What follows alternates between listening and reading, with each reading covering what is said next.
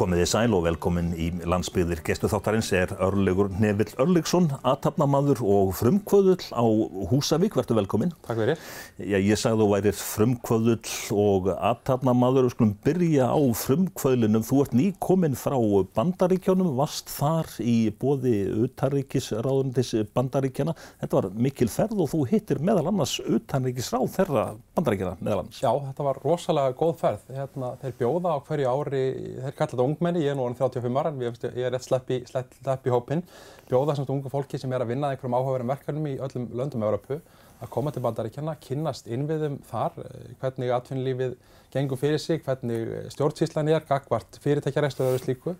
Og við vorum sem sagt 70 núna sem vorum, var bóðið frá Európu til að koma, ég var eitt frá Íslandi og erum sett í mismundi borgir. Ég var staðstur í Denver, var þar í, í rúma viku og svo kemur allur hópurinn til Washington DC og er þar saman að kynna stjórnkerfi bandaríkjana. Þetta var rosalega fróðlegt. En þetta fólk sagt, frá uh, Evrópu, Londonum, hvað áttu þið sameigilegt? Öll að búa til eitthvað annarkot að setja, að rekka eitthvað svona fyrirtæki með einhverju nýmæli, einhverju svona öðruvísi en svona gengur að gerist eða að, að vinna í einhverju sem að svona þótti, þótti áhugavert fyrir þau til að kynna uh, út í bandaríkunum. Mm. Hvað kemur þú þó með heim í fartaskinu? Fartaskinu, ég, ég var í Denver eins og segi, ég lærði rosalega mikið þar. Við hittum náttúrulega uh, fulltrúa frá borgarstjóð Denver, við hittum fulltrúa frá ríkinu Colorado og uh, það var gaman að sjá hvernig þeir í Colorado vinna. Þeir hafa mjög skýran fókus í atvinnumálum til dæmis. Þeir eru búin að marka sér stefnu þar sem þeir eru með sjö aðal greinar sem þeir leggja áherslu á og vinna mjög markvist að því. Colorado eða Denver var semst eina af þessum borgum til dæmis sem kefti að því að fá nýju höfustöðar Amazon til sín en fengu það reyndar ekki en, en við fengum að sjá svona hvernig þau unnu það mál til dæmis sem var áhugavert og svo bara gaman að kynnast menningunni það núti. Mm. Bandaríski draumurinn. Já, akkurat.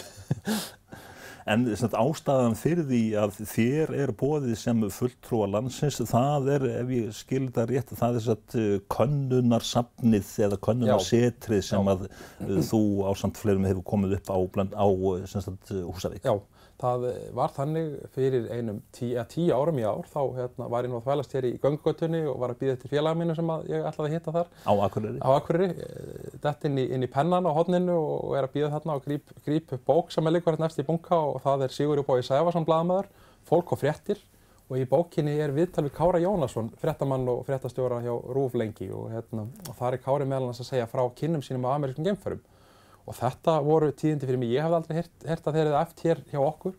Mér fannst þetta merkjöld fyrir tvær sakir, mér fannst náttúrulega stórmerkjöld að Ísland hefði átt þátt í Apollo-verkefninu því, því að koma mönnum til tungsins en ekki síður fannst mér merkjöld að þessi saga væri nánast ekkert sögð enn í dag mm. og þetta var fyrir tíu árum og ég eiginlega fór á fullt í þetta, það viljum svo til að, að, að kvöldið eftir þá er pabbi minn að koma frá Reykjavík, þetta var 2009 Hann hafði verið í einni af seinustu varnæðlisvölunum sem voru, það var verið að losa restina af draslinu úr herstöðinni hafði farið þar til að skoða skrifborð og skápa en, en fann nú ekkert merkilegt nema, nema eitt svona plaggat af, af Buzz Aldrin á tunglinu.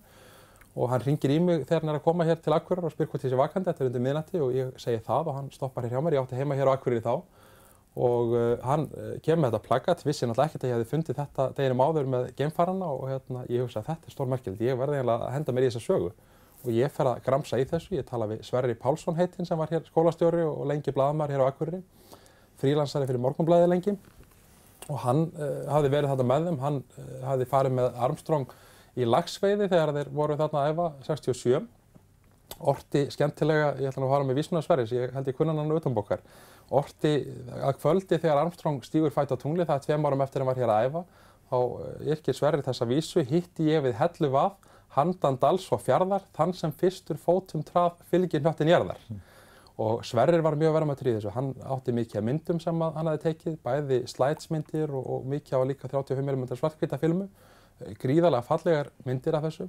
Og þetta var svona grunnurinn í það að koma þessu stað og, og, og 2011 þá er ég komið með svona þann massa að ég fæ leiðan sal og setja upp sumarsýningu á húsaug tímabundna á þessum myndum og munum sem ég var búinn að sapna þá og það vakti tölverða aðtegli, reyndar eh, aðtegli allarleið út til bandaríkjana. Hillary Clinton sem þá var utanrikssaður á bandaríkjana sendi okkur sérstaklega hverju eh, í til og með opnun síningarinnar og uh, það reyndar þetta er svo margar skemmtilega sögur í þessu. Það var, vildi nú þannig til að það var, það var rúta af eldriborgurum að kæra hér frá Akkurri í Ásbyrgi, íslenskur leðsögumæður og hérna hann heyrði þessa kveði frá Clinton í útvarpinu í hátægisfréttunum og hann segir sínum hóp frá þessu og þá var maður svona aftast í rútunni og segir, herru, við verðum að stoppa þarna. Ég var maður sem kom mikið að þessu verkefni að koma mönnum til tungsins og þá var það einn af þessum vanna því að smíða tunglflöginna sjálfa. Mm. Og nokkrum, já, kannski 20 minnir setna er þessi rúta komin og maðurinn er komin inn á, borð, inn á golftímin bara, þannig að þetta þetta er verið hérna, mikið æfintýri þessi, þessi hérna, þessi konun mín á, á þessum æfingum gemfarana hér. Mm. En þú sem sagt ungu maðurinn inn í sem sagt bókaveslun og sér þarna bók, kviknaði þá bara strax bara vilskipta hugmynd? Já, mér fannst þetta bara svo merkilegt. Það, far, þetta afreg sem bandaríkjumennu unnu þarna 1969 að lenda á tunglinu, þetta er Já, ef þú hugsaður 500 eða 1000 ár fram í tíman, eh, nafnin Neil Armstrong er nafn sem allir munu vita eftir 1000 ár. Þetta er, hérna, við þekkjum landkonniði þúsundir ára eftir í tíman í okkar sögu og þetta er náttúrulega miklu starra afreg heldur en okkur sem hefur unni áður að fara af, af nettinum sem við öll búum á og fara á annan nött og, og ganga þar um. Auðvitað stór hópur sem að vanna að þessu og kannski einn maður sem að fær mest aðtíkluna en, en, hérna, en einhvers veginn þetta er ótrúlega afreg og bara það að Ísland eigi þátt í þessu Nú, ég hef séð í þessu tækifæri líka í ferðamennsku mikil af því að bandarækinn er nú sífælt að vera starri og starri og er náttúrulega stærsti, stærsti hópur okkar ferðamanna og þeir eru stoltir af þessari sögu og, og núna á næsta ári eru 50 árfæði þegar þeir lenda á tunglunum þannig ég er svo sem með margt í, upp í erminni núna sem ég er að plana fyrir næsta sumar. En þegar þú færð þessa hugmynd og áhuginni kviknar þegar þú ert að kynna þetta fyrir sagt, þínum nánustu, varst ekki bara svona að um bara hálf bilaður? ég veit, ég veit að allir maður sé ekki hálf bilaður en, hérna, en uh, þau verður að mann ekki vera hálf bilaður til að fara í eitthvað yfir höfuð. Mm -hmm.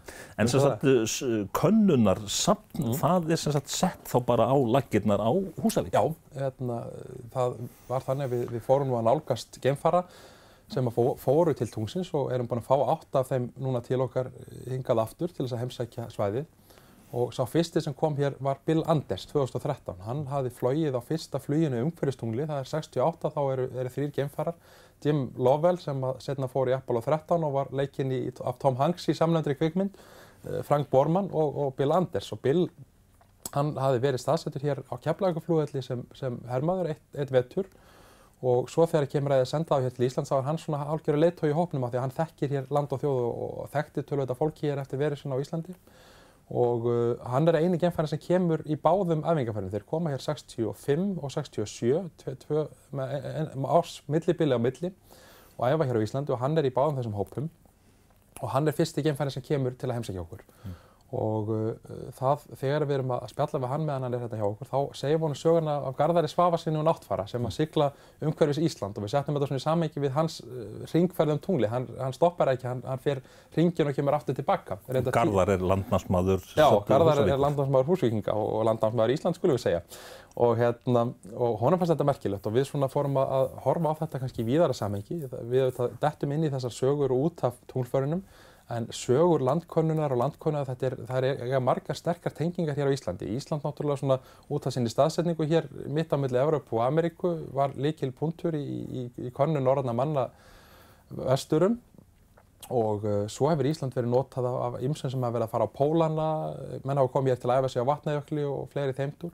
Uh, Wegener sem setti fram landrækskenninguna, hann fór hér um, um, um hálendið á sínum tíma áður en að svo kenning fæðist í rauninni eða kannski er hann byrjuð að mótast í kollinum ánum, hann er innan um landslag sem að staðfestir allt hans kenningu þarna upp á hálendinu. Þannig að Ísland tengist á mjög margan hátt uh, landkonunasögu. Frithjón Nansen, frægur landkonuði, var hér, dvaldi hér lengi og var svo á Grænlandi. Þannig að það er, það er mikil efni við til að vinna úr. En við höfum hins vegar ekki kannski við höfum ekki einskorðað okkur við Ísland, við höfum sagt sögur þó það tengist ekki Íslandi beint en, en svona haft það kannski sem svona grunn þemað þó. Mm. Ef við bara spólum hratt áfram, eh, könnunarsafni núna eins og það er á Húsavík, eh, hvers konar safn er þetta? Þetta er, er safn, við keftum hús sem heitir Hlöðufell, hús sem hefur gengt ýmsum tilgangi gennum árin og, og var félagseimili og dansstaður og veitingarstaður og fleira undir það síðasta var þar staðsett annað safn sem heitir Reðursafnið og er nú komið til Reykjavíkur og þetta hús stóð, stendur í miðbænum og, og mér fannst leiðilegt að það væri tómt. Eh, það er náttúrulega, Reðursafnið var vinsall viðkomastæði ferðamanna og uh, þegar ég er komið með þessu hugmynd þá, þá liggur eiginlega beint við að, að kanna með þetta hús og, og Fridrik Sigursson sem var bókstæla Húsavík og mikill aðtalmar á svæðinu hafði kipt þetta hús og hérna, hann leiði mér það fyrst árið og svo var úr hann bara seldi okkur húsið og, hérna, og við hefum verið að byggja upp þar.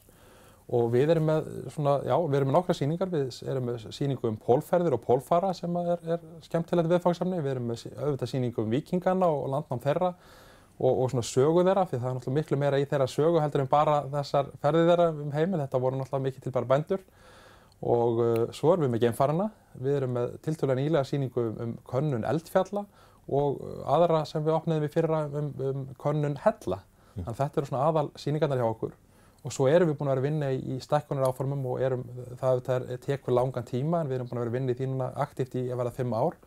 Mikill í stækkunarsafninu og, og erum að vinna núna í byggingu á tunglferju sem er, er svona framtíðar síningagripur erum að gera það í tvennu lægi, erum að byggja efri, efri þreppið núna og stefnum svo að byggja neðra þreppið þegar við erum búin að ná að smíða, smíða yfir það Þannig að hérna, það verður svona stór síningagripur í, í þessari viðbyggingu hjá okkur. En þegar þið eru að, að kynna þetta fyrir bandaríkjamönnum sem að vantarlega eru nokkuð svona uppteknir af tunglferðum og, og öllu í, í kringu það, hvað, hvað segja bandaríkjamenn þegar, þegar þú sagt, á Íslandi ert með sapn bara um tunglferðir. Er bara svona brosað svona góðláttlega af þér eða sagt, hva, hvaða viðbröð ferðir? Já sko, margir segja það að, að þegar þeir koma til húsaukur og, og uppgöta þessi sögur, fæstir í rauninni vita þetta þegar þeir koma til húsaukur eh, nema þeir sem að sérstaklega koma til okkar út af þessu. En svona hinn almenni ferðamæður veit þetta nú, veit þetta nú sjaldan, sjaldnast og flestir eru nú af því að þeir getur nú séð að þetta sér úr raukrætt að Ísland hafi verið valið, þetta lítur nú svolítið út þessu tunglið. Það var nú reyndar ekki þessuna sem að Ísland var valið, það var út af okkar bara ríkulegu jærfræði, við erum með svo fjölbreytta og áhugaverða jærfræði hér á Íslandi og menn vissur en ekki alveg hvað byði á tunglinu þegar menn kemur þángað. Hermennir, eða sko, gemfærandir sem voru valdir til að fljúa til tungsins voru allt saman hermenn og bandarækja hér. Þetta voru flugmenn, það voru æfingaflugmenn og svona kannski reyndustu og bestu flugmennir sem þeir höfðu yfir að ráða og uh, NASA vissi það einhver síður að þegar þeir myndu koma til tungsins þá þurftu þeir að vinna sem vísindamenn. Og þeir höfðu ekki grunninn í því. Og þá vantaði sérstaklega grunni í jarfræði og þess vegna er Ísland valið til þess að þjálfa þá hér á sín tíma. Það, þeir gáttu komið með mjög takmarka magna af, af grjóti með sér tilbaka. Um það snýrist þetta, komið með steina frá tunglinu og greina þá hér á jörðunniðri og það, já, það má vel að segja svona einfaldast að hátta að þjálfun þeirra hér á Íslandi snýrist um að kenna þeim að velja bara bestu steinana til að koma með aftur til jarðar. En samt gripir sem að þið eru nú þegar í ykkar fórum, hvernig gengur ykkur að, að afla samt gripa? Er það að fá uh, sendt mikið? Já, sko framanaf var þetta aðalega snýrast þetta um það að ég var að kaupa gripi mikið mm og þannig byggði, þetta, byggði ég þetta upp þanga til að við opniðum. Ég, fór, fór, ég fór Erlendis aðeins og, og var líka mikið á netinu og var alltaf við merkilega muni sem ég varð var við. Eftir að við opnum og þegar við förum að mynda meiri tengingar líka inn í þetta samfélag landkonuða, þá, já, ég sko, staðrendin er svo að við höfum ekki keft sapgrip sennilega ég verða fimm ár núna nýjan, af því að þeir hafa alveg bara verið að koma til okkar sem gjafir. Við höfum haldið á hverju ári síðan við opniðum hátíð sem við kallum landkonarhátíð. Við bjóðum svona 6-7-8 landkoriðum að koma hverja ári til okkar og segja sínar sögur og það kemur til auðvitað fólki sem hefur áhuga á þessu til húsæku til þess að hlusta á þetta. Við verið með alveg ótrúlegan hóp af, af skemmtilegu fólki sem hefur verið þarna með okkur og yfirleitt að koma þessi landkonir með eitthvað með sér til að gefa okkur. Oft líka verða til kannski í tengst af því þetta er nú svona kannski svona svolítið sérstakar hópur sem er að, að kanna aktíft og það eru mikil tengsl innbyrðist þar. Þannig að einhverjir frétta af þessu litla safnu okkar og, og, og þá er, er eitthvað sendt til okkar og svona. Þannig að við erum, við, erum að fá á hverju ári töluvert af svona skemmtilega munum. Í rauninni þannig að við, við komum ekkert mikið meiri fyrir í húsið eins og það er núna. Mm. við erum komið ansið þetta, þetta síningu þannig að, hérna, við erum, eigum töluvert mikið upp í þegar við stekkum safnið til að hérna, til þess að skreita það. Bandarækjaman þeir hafa farið til uh, tungsins en svona, já, íslenska krónan blessuð, já. hún hefur nú komið dansinn nálagt að tunglinu. Já, heyrðu, það er gaman að það ekki þessa sögu. Það er nefnilega, hérna, ég var nú með hóp frá, hérna, hóp úr Sæðlabankanum hjá mér í fyrra í, í safninu og uh, ég sagði þeim það að eins og þau vita krónan fyrir náttúrulega upp og niður en hún hefur aldrei farið eins rætt upp eins og 21. desember 1968 því að þá var íslensku 25-eringur um borði í gemfærinu Apollo 8 sem var fyrst til þess að fljúa umhverjast tungli mm. og það var þessi sem ég nefndi Bill Ander, sem var nú fyrstu til að heimsækja okkur. Hann, hérna, hann hafði verið hér á Íslandi semst eitt ár við herþjónustu og, og svo komið í tvígangt hér til æfinga og var bara mjög hlýtt til þjóðarinnar og, og það var þannig að hann kynntist Pétri Guðmundssoni flugvallastjóra í Keflavík mm. þeir eruðu miklu vinnir og, hérna, og þegar það kemur að gemskotinu þá býður hann Pétri að koma og vera viðstattur gemskotið mm. og það var nú þannig að þeir voru settir í svona hálgerða einangrun nokkra daga undan, á undan gemskotinu bara til þess að þeir eru ekki lasnir í ferðinni en áður en hann fer í þessi einangrun þá hittast þeir félagar og Pétur er með íslenskan 25 sem hann hérna, dregur upp á vasa sínum og hérna og býður Bill að taka þetta svona sennilega í gríni sem lukkugript í tungsins og Bill var bara mjög hrifin að þess og gerir þetta. Og þegar hann kemur tilbaka þá lætur hann steipa hann í svona glerhjúp og merkja hann ferðinni og gefur Pétri þannig grip og fjölskylda Péturs hefur miklum rauðsnarskap left okkur að hafa þetta til þannig pening til síningar og þetta er eh, fyrst, alltaf fyrsti peningurinn sem fer, fer svona langt frá jörðinni og, og hérna einn af aðeins tveim peningur sem að fara til tungsins. Það var 60, eh, nei 70 fyrir tveggja dólar að segja til bandarískur ringferðina líka. En hann mátti vantarlega ekki fara með eh, nei, slíkt? Nei, það var nú þannig að, já, NASA var nú með reglur um, um þetta hjá sér að, að þeir mátti ekki taka með sér. Þeir fengu, hérna, þeir tóku með sér eh, ákveðna hluti en hérna var ekki, ekki svona var ekki, ekki talið til hluta sem átti að taka með sér en uh, þeir horfðu, eiginlega allir genfærinni tóku eitthvað smálegt með sér og mm. þeir horfðu ekki ennum fingur sér með það að leifa um það. Mm. Og það var þessi 25-eringur íslenski? Já, það var þessi íslenski 25-eringur. Svo er annar gripur þarna sem að ég eh, tók eftir eða mér var sagt frá, líklega er verðmætast að peisa landsins, hún er hjá ykkur? Já, ég, og ég, ég verðmættara þó víðar væri leita, það var þannig að, að maður sem heitir Mike Dunn, mikill æfintirmaður amerikani, hann hérna, var svona mikið, hann var mikið á Norðupólnum um, árin 80, svona frá 80 og kannski fram til 89 og uh, hann var að lenda flugvelum á pólnum, hann á nú lendar fyrsta fánan sem fór niður á hafsbátnin á pólnum, það var nú frækt hér fyrir einhverjum árum þegar rúsa settu, settu lítinn róbóta niður á botnin á, á Norðupólum og sætti fána niður, er uh, til myndir af þessu netinu, en hérna hann sagði að þetta væri nú algjört því að hann ætti amerískan fána þarna sem væri búin að vera tölvöld lengur. Hann lendir því að hann lendir vel á, á pólnum og, og svo bara sér hann það að ísinn er að bresta og hann fer bara hægt og rólega niður. Þannig að hann tekur fánan sinn og, og setur hann onni í kaffibrúsan og hendur hann inn í, inn í velina þegar hann fór niður á botnin sko. Þannig að hún flakja henni líkur þarna á botninum. En hann sem sagt fekk þá hugmynda að bjóða helstu landkönnuðum heims að fara með sér í leiðangur á Norðupólinn og var að horfa þá sérstaklega á tvo og það var Edmund Hillary sem fer fyrstur á Everest með, með Tenzing Norgay og Neil Armstrong sem gengur fyrstur á tunglinu og þeir eh, þekkjast báðir bóðið og, og hérna, reyndar var það þannig í brefaskriftunum, ég hef með brefin sem var að skrifast á við það að þeir í rauninni þáðu báðir bóðið ef að hinn myndi þykja það þannig að hann var nú svona að gera kvítalíi þannig að þeir komu báðir mm. og hérna eftir þennan leðangur þá gefur Armstrong uh, peysuna sína sem hann var í, í þessum leðangur og hún er mert Armstrong og Hillary mm. North Pole 1985 og uh, hann var með þessa peysu bara í skáfnum heima á sér og vissi sem ekkert hvað hann átt að gera við hana. En svo frettir hann að fyrir safna okkar og, og kemur í heimsók til okkar og, færir okkur þessa peysu.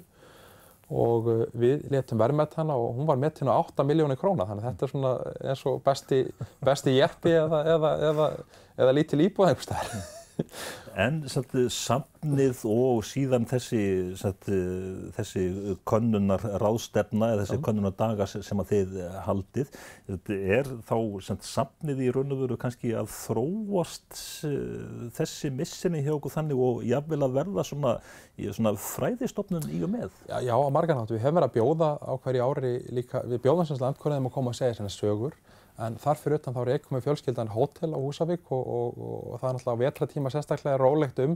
Þannig að við hefum verið að bjóða, við hefum verið að nota herbygginn þar að bjóða fólki sem er að vinna í einhverjir skrásetningu á landkonnunasögu eða, eða landkonnunin sem er að skrifa sína sögur. Við hefum verið að bjóða þeim að koma og gista hjá okkur. Og þá bara getur fólk dvalið hjá okkur í tvær-þrjár vikur því að skipta og hérna. Þannig að markmið okkar er alltaf að, að, að, svona, já, að þarna ertu nú komin inn á aðtapnamannin örleg hótelrekstur.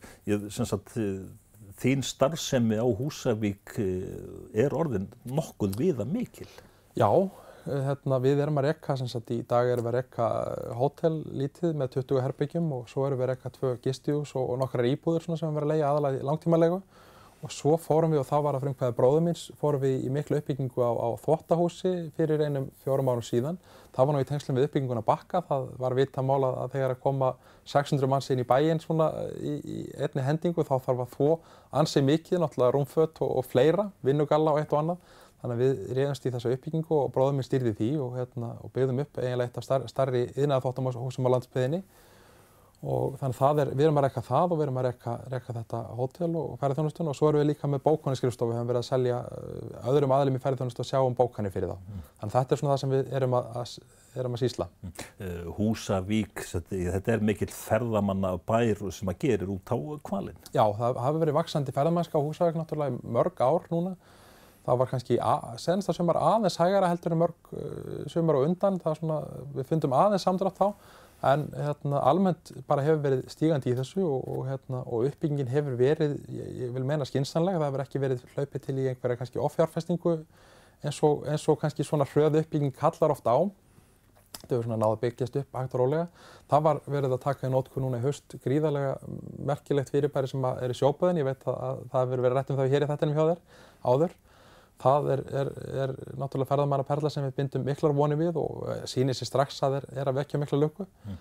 Nú, uh, það eru, eru stóra áform eh, aðela, íslensks aðela sem er í samverðu við norsk fyrirtæki um, um uppbyggingu á, á mjög svona sérstæðu hóteli upp á höfðanum sem er gaman að fylgjast með. Þannig að það er mikil bjart síni í samfélaginu hvað þessa grein snertir. En svo að þessi útgerðu, kvala útgerðin í ferðamennsku, eru mörg dæmi um það að, sagt, að, að ferðamenn þeir eru að koma sérstaklega til landsins og setja stefnun alveg bara beint á Húsavík?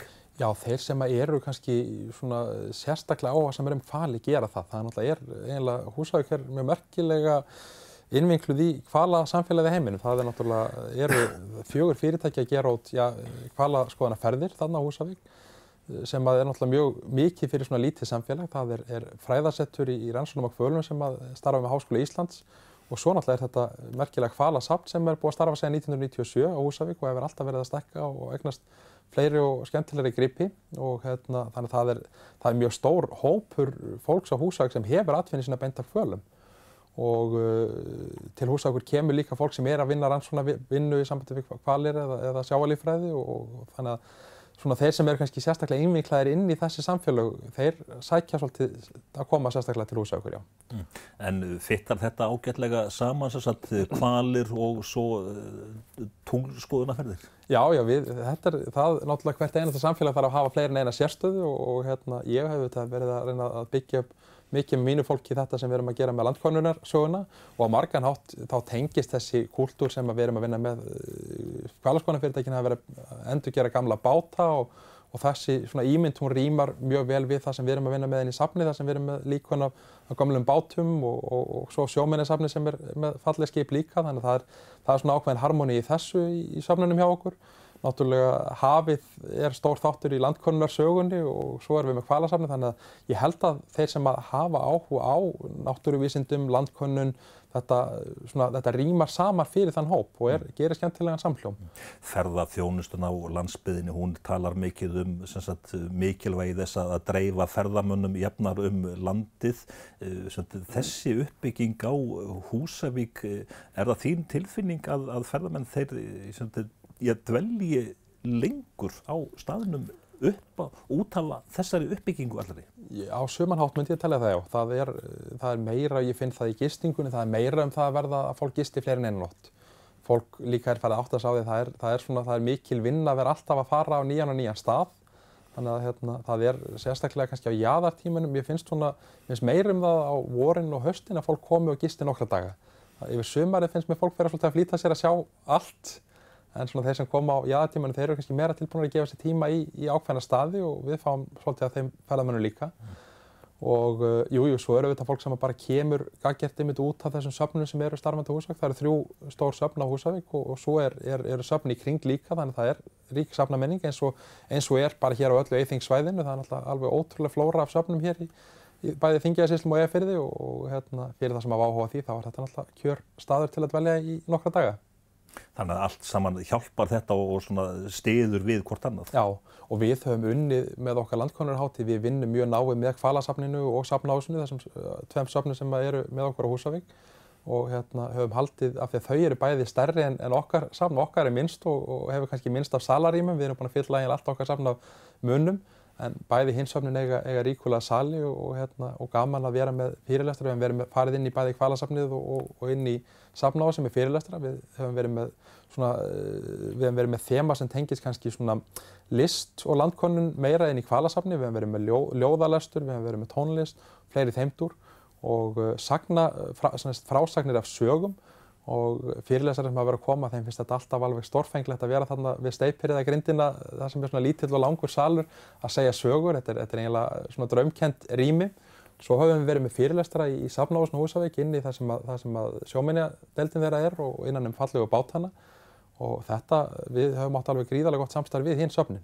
Hvernig hefur þróunin svona verið hjá þér? Þú fyllir hótelið af tónförum yfir dauðartíman en ferðarmannatímabili það er nú alltaf að lengjast Já, það hefur, verið að, jú, það hefur verið að gera það og hérna senastu uh, þrjú ár hafa verið svolítið sérstökk af því að það hefur verið mikil yðnaruppbygging og við hefum verið með mikið af fólki í gistingu teng, í tengslum við það þannig að kannski þessi vettur er svona aðeins hægari heldur en við hefum verið að venjast af því að við, við fengum, við náttúrulega hefum verið að fá ferða, aukinn ferðamannafjölda inn aðeins inn í vetturinn en líka mikinn massa fólki í tengslum við uppbygginguna þannig að núna er svona þessi vettur er hægari en við höfum átt að venjast senastu þrjú ár en við finnum það alltaf á hverja ári, það er að verða lengra og lengra og fólk er, er farið að ferðast hér inn í desember þess vegna ef því er að skipta meira heldur en, heldur en áður var. Það var nú þannig, ég byrja í þessum í fjölskyldinu minni 2010 og þá var þetta bara í loka ágúst kemur svona daltið snart högg og svo kannski skulum segja í byrjun oktober eða, eða kannski 10. oktober þá er þetta bara búið. Mm. Þú setur í